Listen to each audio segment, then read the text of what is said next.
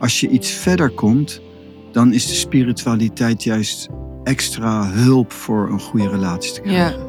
Maar op het begin, als het wijzigt tijdens die wijzigingen, kan het soms heel onrustig worden. Ja. En dat is jammer, want het had niet gehoeven.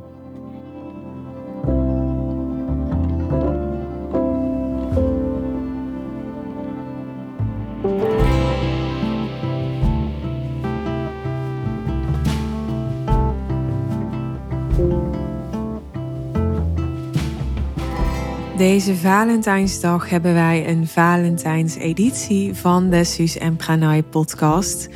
Waarin we het hebben over vraagstukken als... Wat als jij iemand bent die zich snel en veel persoonlijk ontwikkelt... en je merkt daardoor dat de evenredigheid wat verdwijnt in je relatie... of dat het moeilijk blijft om elkaar te blijven vinden... En wat doe je als het een gegeven is dat er heel veel mensen in onze wereld niet helemaal emotioneel volwassen zijn? Ga je dan eh, heel druk zoeken naar een ander of überhaupt een partner die dat wel is? Of zijn er ook alternatieven? Nou, dit en meer hoor je in deze aflevering. Pranay. Hi sis. Hoi. Hoi. Valentijnsdag. Ja. Valentijnsdag. Dat is mooi hè? ja, dat zeg jij, maar volgens mij denk jij echt van ja, het zal wel. Nou ja, het zal wel. Ik vind het leuk dat iedereen dat doet, maar het is niet zo dat. Ik, ik ben zelf nooit zo actief. Meestal geef ik een, eh, een hartje naar mijn kinderen of zo. En, eh, maar en ik weet dan ook soms ook niet eens wat, eh, wat wel eh, gepast is. Of dat dan echt moet zijn naar iemand die, eh, waar je wat Ja. van wilt. Of gewoon iemand die je waardeert en zo. Dus dat, Ja, maar volgens mij is dat best wel vrij. ja, Toch? We leven in een vrij land, dus mag Vind je ook ook. mezelf bedenken. ja, zo is het. Ja. En jij, heb jij iets met Valentijnsdag? Ja, heb ik iets met Valentijnsdag? N- nou, ik heb wel iets met thema liefde en relaties, zeg maar. Ja, dat geloof ik. Dus ehm, Mhm. Ja, ik weet nog dat wij een keer een aflevering opnamen en toen zei ik van dit is niet mijn favoriete thema, maar ja, dat moet je ook met een beetje korreltjes zout nemen. Het is ook wel mijn favoriete thema. Ik vind dit Mhm. wel naast, nee, na geld wel een heel intrigerend onderwerp, waar ik Mhm. ook veel boeken over heb gelezen en veel, Over liefde en relaties. ja, veel podcasts over heb geluisterd. En eh, De kunst van liefde. Of... Nou, eh, voordat we deze podcast starten, toen deelde ik een post met jou bijvoorbeeld. Dat zijn dan Mhm. dingen waar ik dan een tijdje over na kan denken als ik dan een post tegenkom of nou, iets, iets lees Mhm. over relaties. Zal ik het even voorlezen? Ja, ja. Het is van eh Annemarie Knol. Ik zal even de naam erbij zeggen, want eh, ze heeft het geschreven. Mhm. Op LinkedIn zag ik het. Mhm. En zij schreef: Het heeft geen zin om de emotionele storm van je vrouw te analyseren. In die momenten willen middelmatige mannen, ja, mannen, ik heb het niet bedacht. Middelmatige mannen kalmeren en praten, maar een echte man doorstaat die storm met onverstoorbare liefde en onwrikbaar bewustzijn. Vaak vragen we ons af waarom vrouwen moeilijk lijken. De waarheid is, velen zijn bang voor vrouwelijke emoties. De kunst is niet te ontsnappen, maar sterk te staan te midden van haar emotionele golven. Begrijp, haar grootste plezier is een man die in die stormen blijft staan. Mooi. Nou, dat soort dingen. En dan, eh, ja, daar, daar kan ik dan ehm, over nadenken. Ja, Een kenmerk is, denk ik, waar ze op eh, over heeft, is natuurlijk dat bijvoorbeeld een vrouw, doordat ze een, een, eh, een, een hormonale cyclus, cyclus heeft, kan dan soms wat eh, expressiever zijn met schreeuwen. En dergelijke. expressiever zijn met schreeuwen. ja, ik probeer het eh, diplomatiek te brengen. nou, ik weet niet. Is, heeft het alleen te maken met hormonale cyclus? Nee. Het heeft ook gewoon volgens mij te maken met vrouw zijn. Ja, en, en dus dat, dat koppel ik eventjes als, ehm, eh, als een beeld van onder inderdaad een vrouw en een man het verschil in hormonen. En uh, ze noemen namelijk vanuit de holistische geneeswijze ook wel de hormonen zijn de verstoffelijking van de emoties en gevoelens. En dus, dus in mijn denken, ja, hoe moet je dat dan vormgeven? Het verschil tussen man en vrouw. En dan, dan denk ik even zo vanuit uh, de hormonen. De, ze hebben een andere emotionele en innerlijke wereld. En het functioneert gewoon anders, een man en een vrouw. Nou, wat ik me afvroeg, dat zei mhm. ik ook tegen jou, is dat ik dacht, oké, middelmatige mannen noemt zij het. En dan echte mannen, ja, het voelt een beetje denigrerend.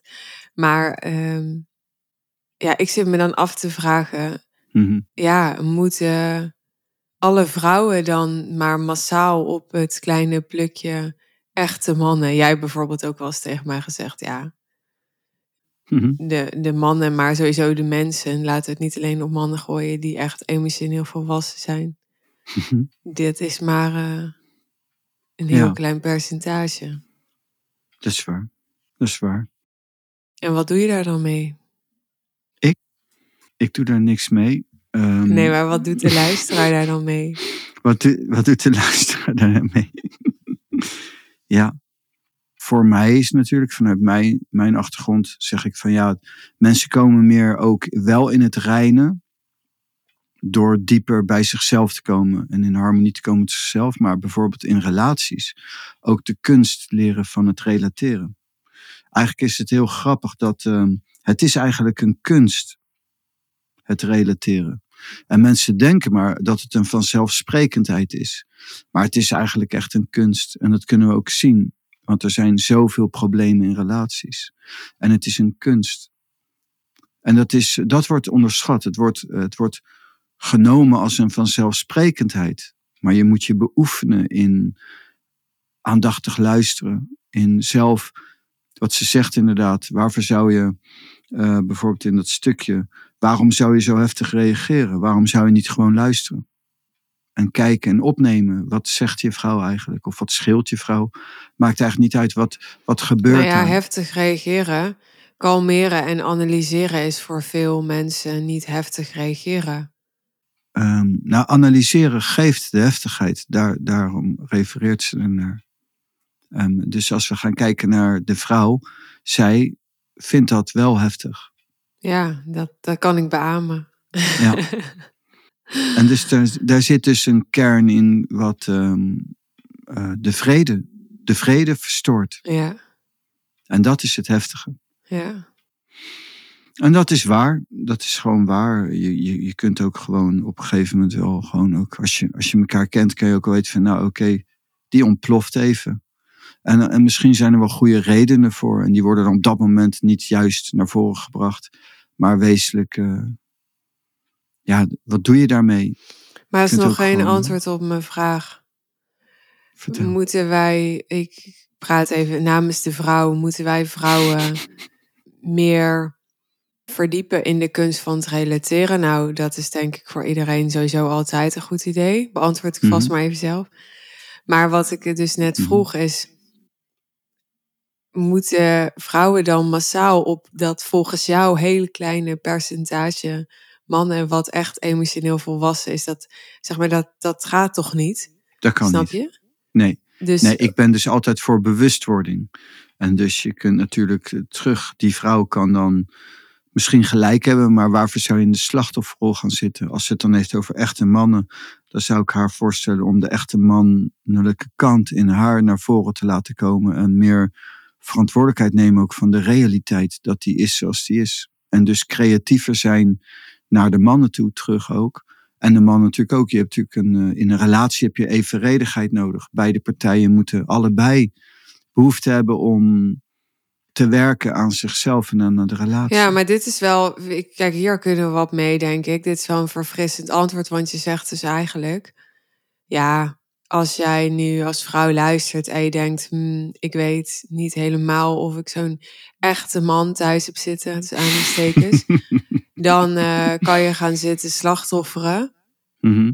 Maar jij zegt, nee, dan moet je gewoon creatiever zijn. Dus je hoeft ook niet per se weg, zeg jij. Het Nee, heeft ook geen zin om te gaan zin. slachtofferen. Maar je Nee. moet creatiever zijn. Begrijp ik dat goed? creatiever zijn. Ja, ja. Ik, ehm, ik ben van mening dat ehm, wij ervaren als mens heel veel ook negatieve emoties. En eh, een, een angst, een onzekerheid en een verdriet en alles. En dat is normaal.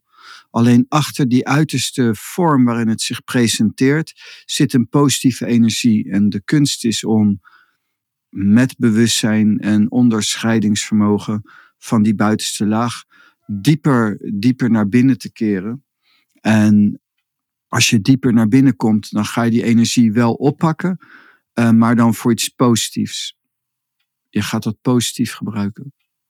En, en dat is eh, wat, wat nu niet altijd gebeurt. Het is een, een sfeer inderdaad van ageren op de uiterste, buitenste aangever.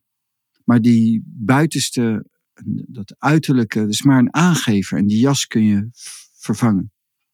Terwijl je de inhoud is hetzelfde. In de energie is de vorm is gewoon een vormloze vorm. Er zit wel een intentie in, maar het is niet per se de vorm van vervelend of negatief.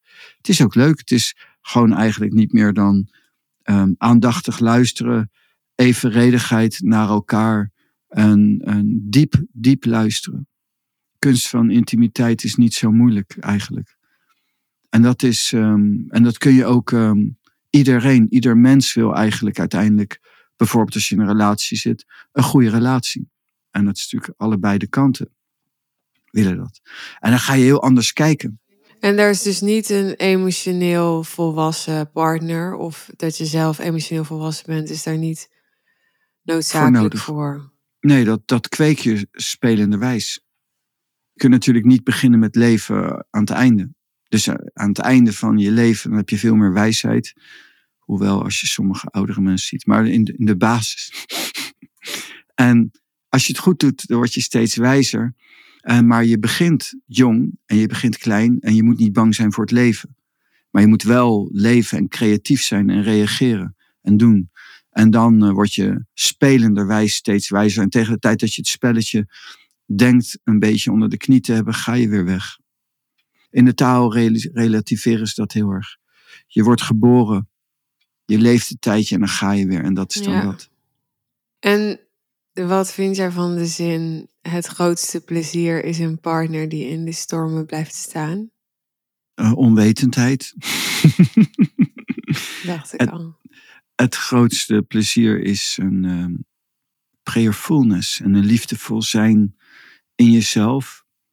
En het is niet zo dat je gelukkig wordt door een ideaalbeeld te kweken en dat je partner dat voldoet aan dat ideaalbeeld. Dus zij legt daardoor ook al heel veel druk op door zo'n uitspraak op zichzelf en op haar partner. Het is veel leuker dat je een partner vindt die bereid is het spelletje van relateren mee te spelen. En oprecht is. En, en ja, en dat gaat niet altijd goed. Een ideale partner is niet ideaal. We zijn gewoon als mens niet ideaal. We zijn gewoon niet perfect. En als je dat wel gaat willen, dan wordt het. Maar toch zeg jij ook wel eens eh, dat mensen te makkelijk een partner kiezen of een relatie aangaan. Ja, ze- absoluut. Ja. Dus, want nu is- klinkt het ook een beetje zoals jij nu praat, alsof je ja, met iedereen kan eh, relateren, zolang die ander maar eh, vrijwillig mee wil doen. Ja, het is wel waar dat ehm, ehm, uiteindelijk inderdaad kun je met heel veel mensen een harmonieuze relatie hebben. Met heel veel mensen. Alleen bij aanvang zou ik niet zeggen, ehm, ga zomaar een relatie aan. Eh, want er zijn gewoon eh, mensen die veel beter bij je passen, waarbij je veel minder hoeft te converteren. Ik ben dan gescheiden, maar het was altijd zo dat ehm, als ik mijn vrouw tegenkwam, als ik een probleem had en ik kwam mijn vrouw tegen, had ik drie problemen. En nou ja, en dat lag niet aan haar. En dat lag misschien ook niet aan mij. Maar dat lag aan de interactie. Dat was gewoon niet de juiste vrouw. En, en natuurlijk hadden we dat wel kunnen redden als, als, als. Maar dat is gewoon niet gebeurd. Er was gewoon niet genoeg ruimte. Dat is niet handig. En dat kun je beter voorkomen. En toen ik ben gaan scheiden, heb ik tegen mezelf gezegd: dat doe ik nooit meer. Ik twijfelde bij aanvang al in, in de verkeringstijd. En ehm, toen ben ik toch doorgegaan. Ik heb er geen spijt van. Uh, maar ik heb wel tegen mezelf gezegd: dat doe ik nooit meer. Als ik een relatie aanga ooit, dan moet het zijn dat het goed zit. En als het niet goed zit, doe ik het niet. En, maar dat is persoonlijk natuurlijk. Maar ik denk dat het goed is om wel te Maar dat weten... klinkt best wel tegenstrijdig, omdat jij zegt... het moet gewoon goed zitten en als het niet goed zit, dan doe ik het niet. En, net en het goed zitten je, is hart, hartstechnisch en niet in de vorm. Nee, oké. En dus met goed zitten bedoel ik inderdaad, je hebt gewoon uh, iets en dat past bij je op een bepaalde manier. Dat, dat, uh, daar hoef je, dat loopt spontaan. En maar natuurlijk, uh, dat is dan hartstechnisch. En daar heb je dan geen twijfels over. En dat zie je ook in gewoon, dat gaat allemaal wat gemakkelijker. Met mijn vrouw had ik een goede tijd als we gingen stappen. Maar gingen we samen iets, een verantwoordelijkheid nakomen, het huishouden, kinderen, was een ramp.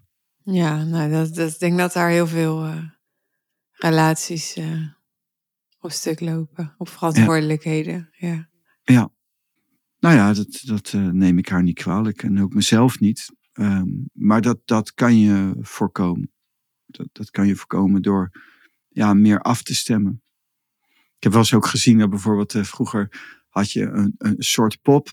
En dat was dan een baby voor stellen die dan zaten te overwegen ja. om een kind te nemen. En dit ging dan ook op de meest waanzinnige momenten huilen. En dan moest je gewoon verzorgen. dat is wel een goeie. Ja, dat is wel een goeie. Dan ga je een beetje, kun je bewust worden van ja, wat houdt het eigenlijk in? Ja.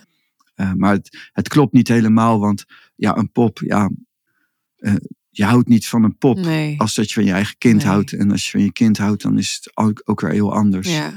Ja.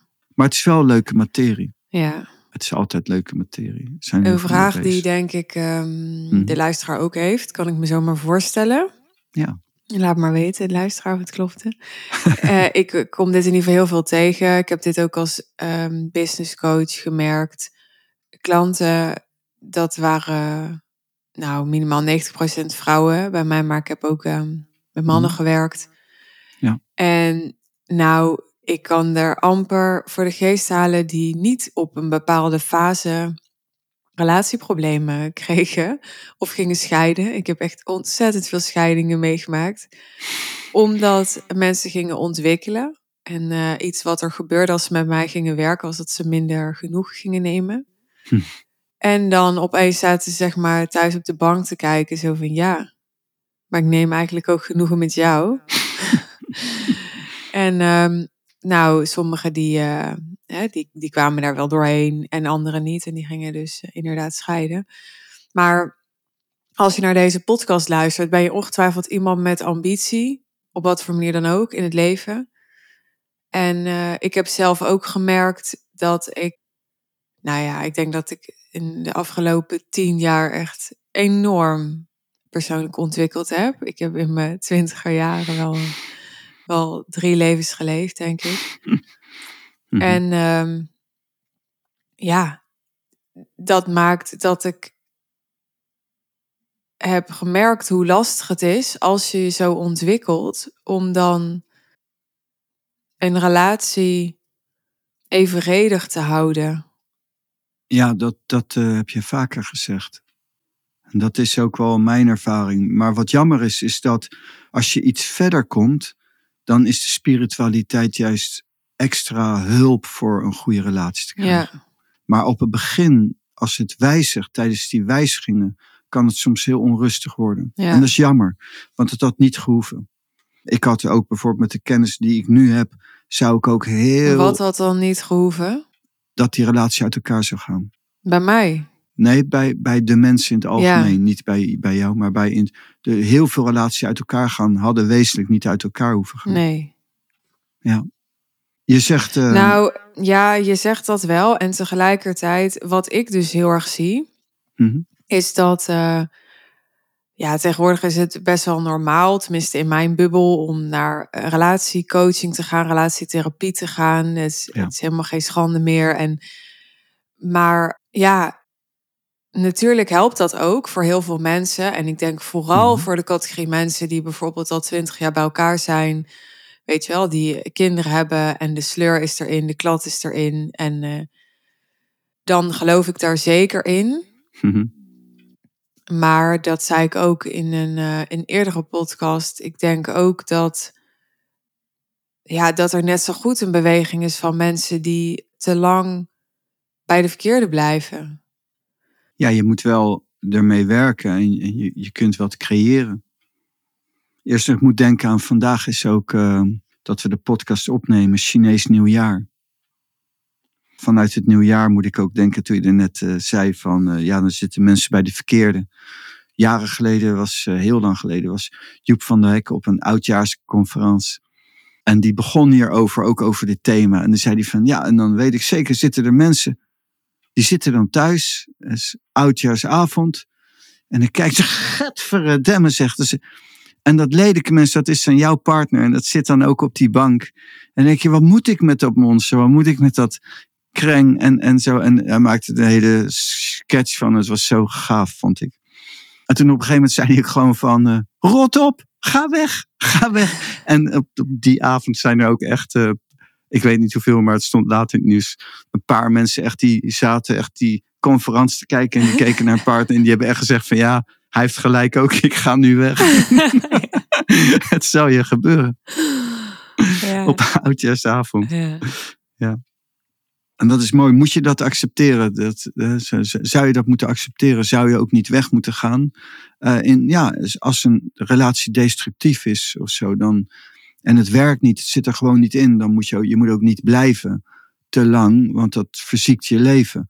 Maar ik denk wel dat, uh, je hebt het over mensen gaan naar relatietherapeuten, dat is goed. Heel goed, dat is niet zo dat ik daar tegen ben. Maar je moet wel ook wel bereid zijn aan beide zijden eraan te werken. Ja. En, en dat is wel echt een, eh, een dingetje. Ja. ja, je ziet toch ook wel vaak dat uh, dan toch meestal wel de vrouw, moet ik eerlijk zeggen, die man hmm. mee sleurt. Ja, tuurlijk. En uh, daar hoor ik ook veel vrouwen over klagen dat uh, ja, die mannen eigenlijk niet echt naar zichzelf willen kijken. Nee, nee. Ja, maar je, kunt het niet generaliseren. Ja, wij hadden het hier laatst ook over. Mhm. Hè? Toen, uh, toen uh, vertelde jij nog van ja, jij komt uit een uh, vechterswereld, uit de kung fu. Mhm. En daar waren heel veel, dus eigenlijk zeker echte mannen. Ja. Die ook kung fu gebruikten en het vechten gebruikten om zich spiritueel te ontwikkelen. Dus die waren heel erg bezig met transformatie en keken zichzelf heel erg aan. Ja. En toen zei ik nog tegen jou, ik zei, ja, maar jij hebt wel een beetje een... Ik wil niet heel zuur doen over mannen, echt niet. Want zo zit ik er helemaal niet in. Maar ik zei wel, ja, jij hebt wel een beetje een vertekend beeld op die manier van mannen. Want uh, ja, er zijn toch meer vrouwen in de spiritualiteit. Meer vrouwen altijd bezig met persoonlijke ontwikkeling. Ja, ja meer vrouwen die uh, willen hm. Mijn vader, die dus een man is, heeft ook wel eens gezegd. Die, mhm. ja, die had dan vriendinnen. En die, die vriendinnen waren eigenlijk altijd degene die die relatie hadden verbroken. Want die wilden groeien. En die, die mannen die gingen gewoon niet mee. Die vonden het gewoon wel best. Ja. Dat geldt natuurlijk niet voor elke man, maar. Uh...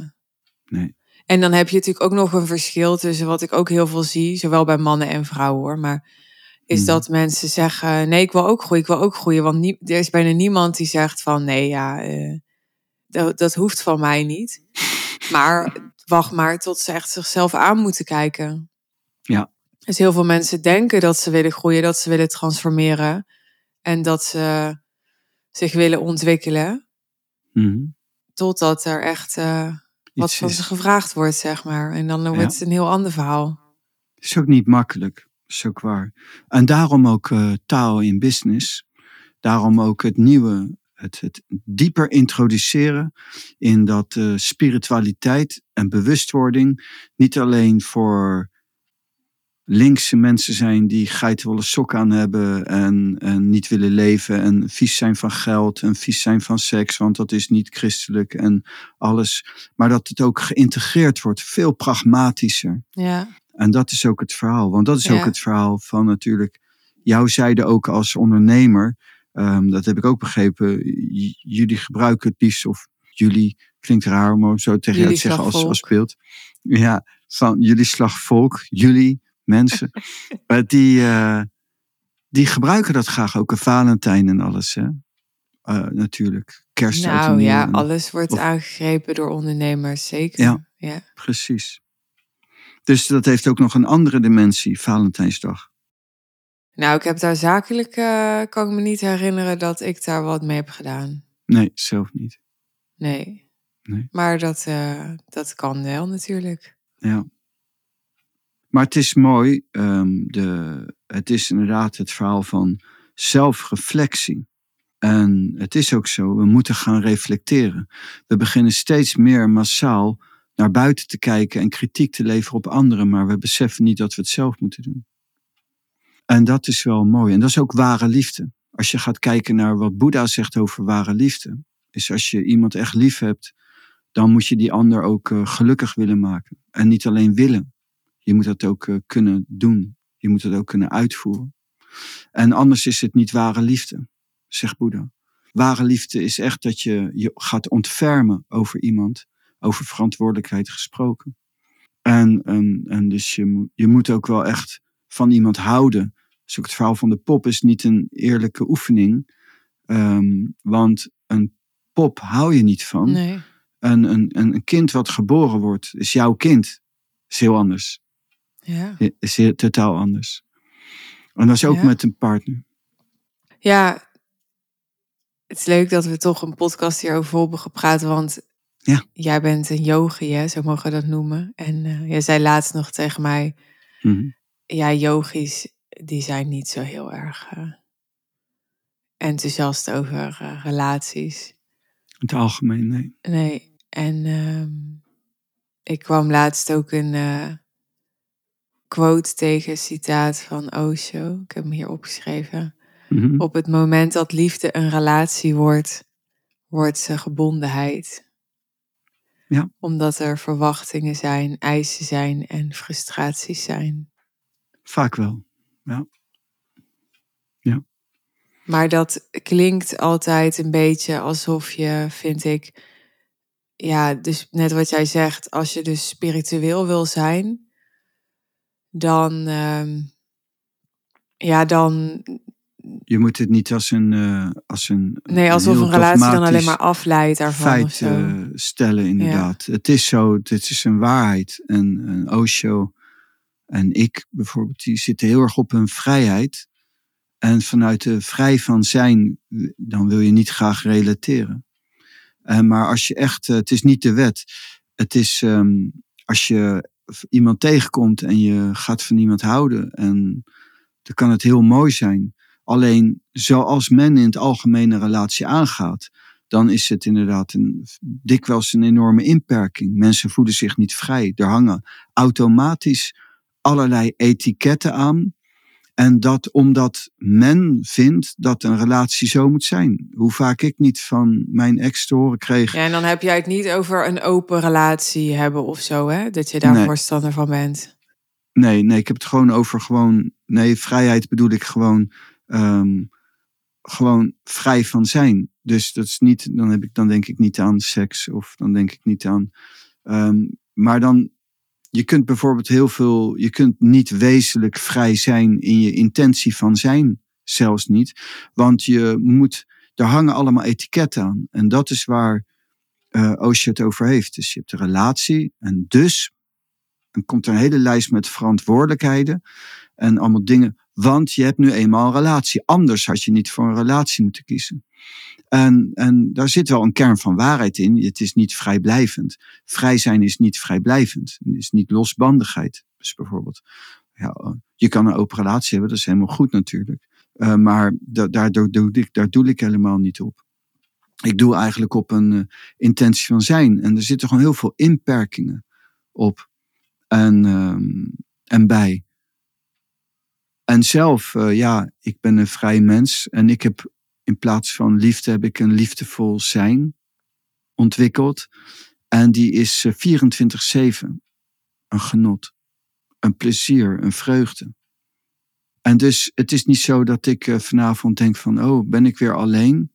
Ik kijk uit naar vanavond dat ik denk, zo, dan zit ik in mijn alleen zijn in de stilte, in de innigheid. In de innigheid van mijn alleen zijn in de stilte.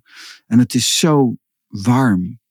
Het is zo verkwikkend. Ja, maar nou weet ik dat mensen hier naar luisteren en dan hun eigen mentale projecties hierop gaan plakken.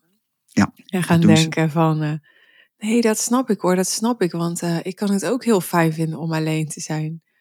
Maar dat is niet echt waar dit over gaat. Hè? Want wat ik inmiddels heb geleerd is, jij bent eigenlijk niet alleen.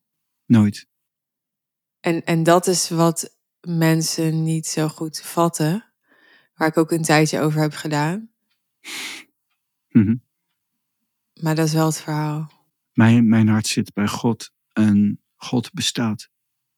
En je kunt daar echt contact mee hebben. En dat is, dat echt is echter dan dat het lijkt dan dat veel mensen fantaseren of denken. Veel mensen noemen het zweven, uh, vaak dikwijls. Uh, maar mensen beseffen niet dat je echt contact met God kan hebben. En dat is echt. En dus ik zit niet alleen. Ik zit nooit alleen. God ontmoet je in je alleen zijn. En als ik echt alleen zou zijn, eenzaam zou zijn, dan heeft het geen waarde sowieso. Maar ben ik ook niet vervuld. Dus het is juist, ik leef de liefde heel intens. Toch wel, want net zeg je eigenlijk, ik heb geen liefde, maar ik heb liefdevol zijn. Ja, in de vorm van liefdevol zijn. En, en ja, het is ook grappig dat je het zegt inderdaad. Ik ben gewoon zo gewend aan om dat niet te benoemen. En dat hou ik dan voor mezelf. Maar dat is letterlijk met God. Ja, letterlijk ook. Ja. Maar het is en, en, en waarom breng ik het dan in die andere vorm? In een liefdevol zijn is het ook voorstelbaar um, voor iedereen om dat te realiseren. Maar dan even als laatste. Oké, het is ja. Valentijnsdag en ja. uh, mm-hmm. je bent vrijgezel en uh, je zit alleen. Dat is een ander verhaal. Zoals jij nu zegt. ja. Ja, maar even, ik kan me voorstellen dat hier mensen naar luisteren en die denken, oh, uh, hoe doe ik dat dan? Zo, met dat God, wat hij omschrijft even doen, dat moet je opbouwen, net als een band. Ja. Dat bouw je op door, um, als je bijvoorbeeld in de Tao zit, je kunt uh, je verdiepen in de Taoïstische geschriften. Er komt een sfeer vrij. Je kan een meester tegenkomen. Ik ben uh, gek van Osho. En die praat op een bepaalde manier. En dan kun je op een gegeven moment ook voelen. Je, een, je gaat beginnen met lezen, dan ben je gewoon een student.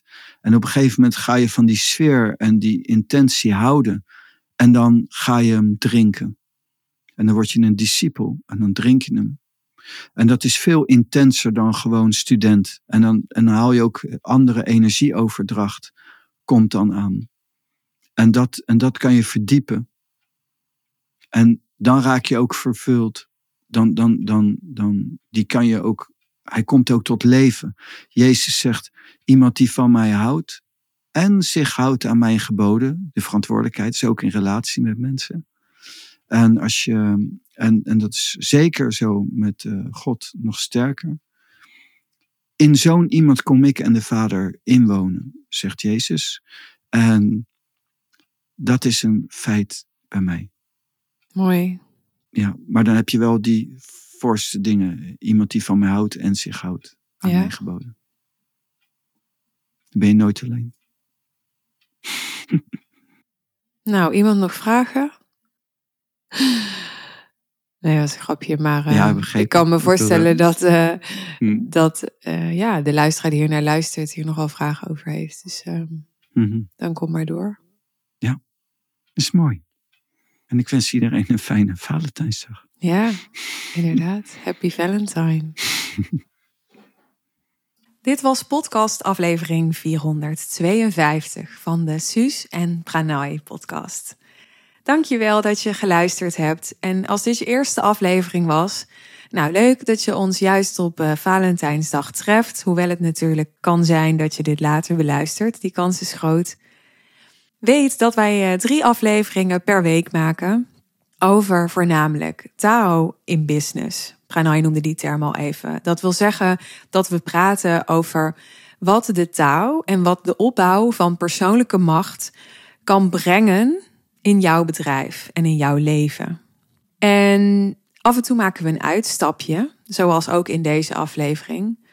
Maar altijd hoor je hoe het voor jou mogelijk is.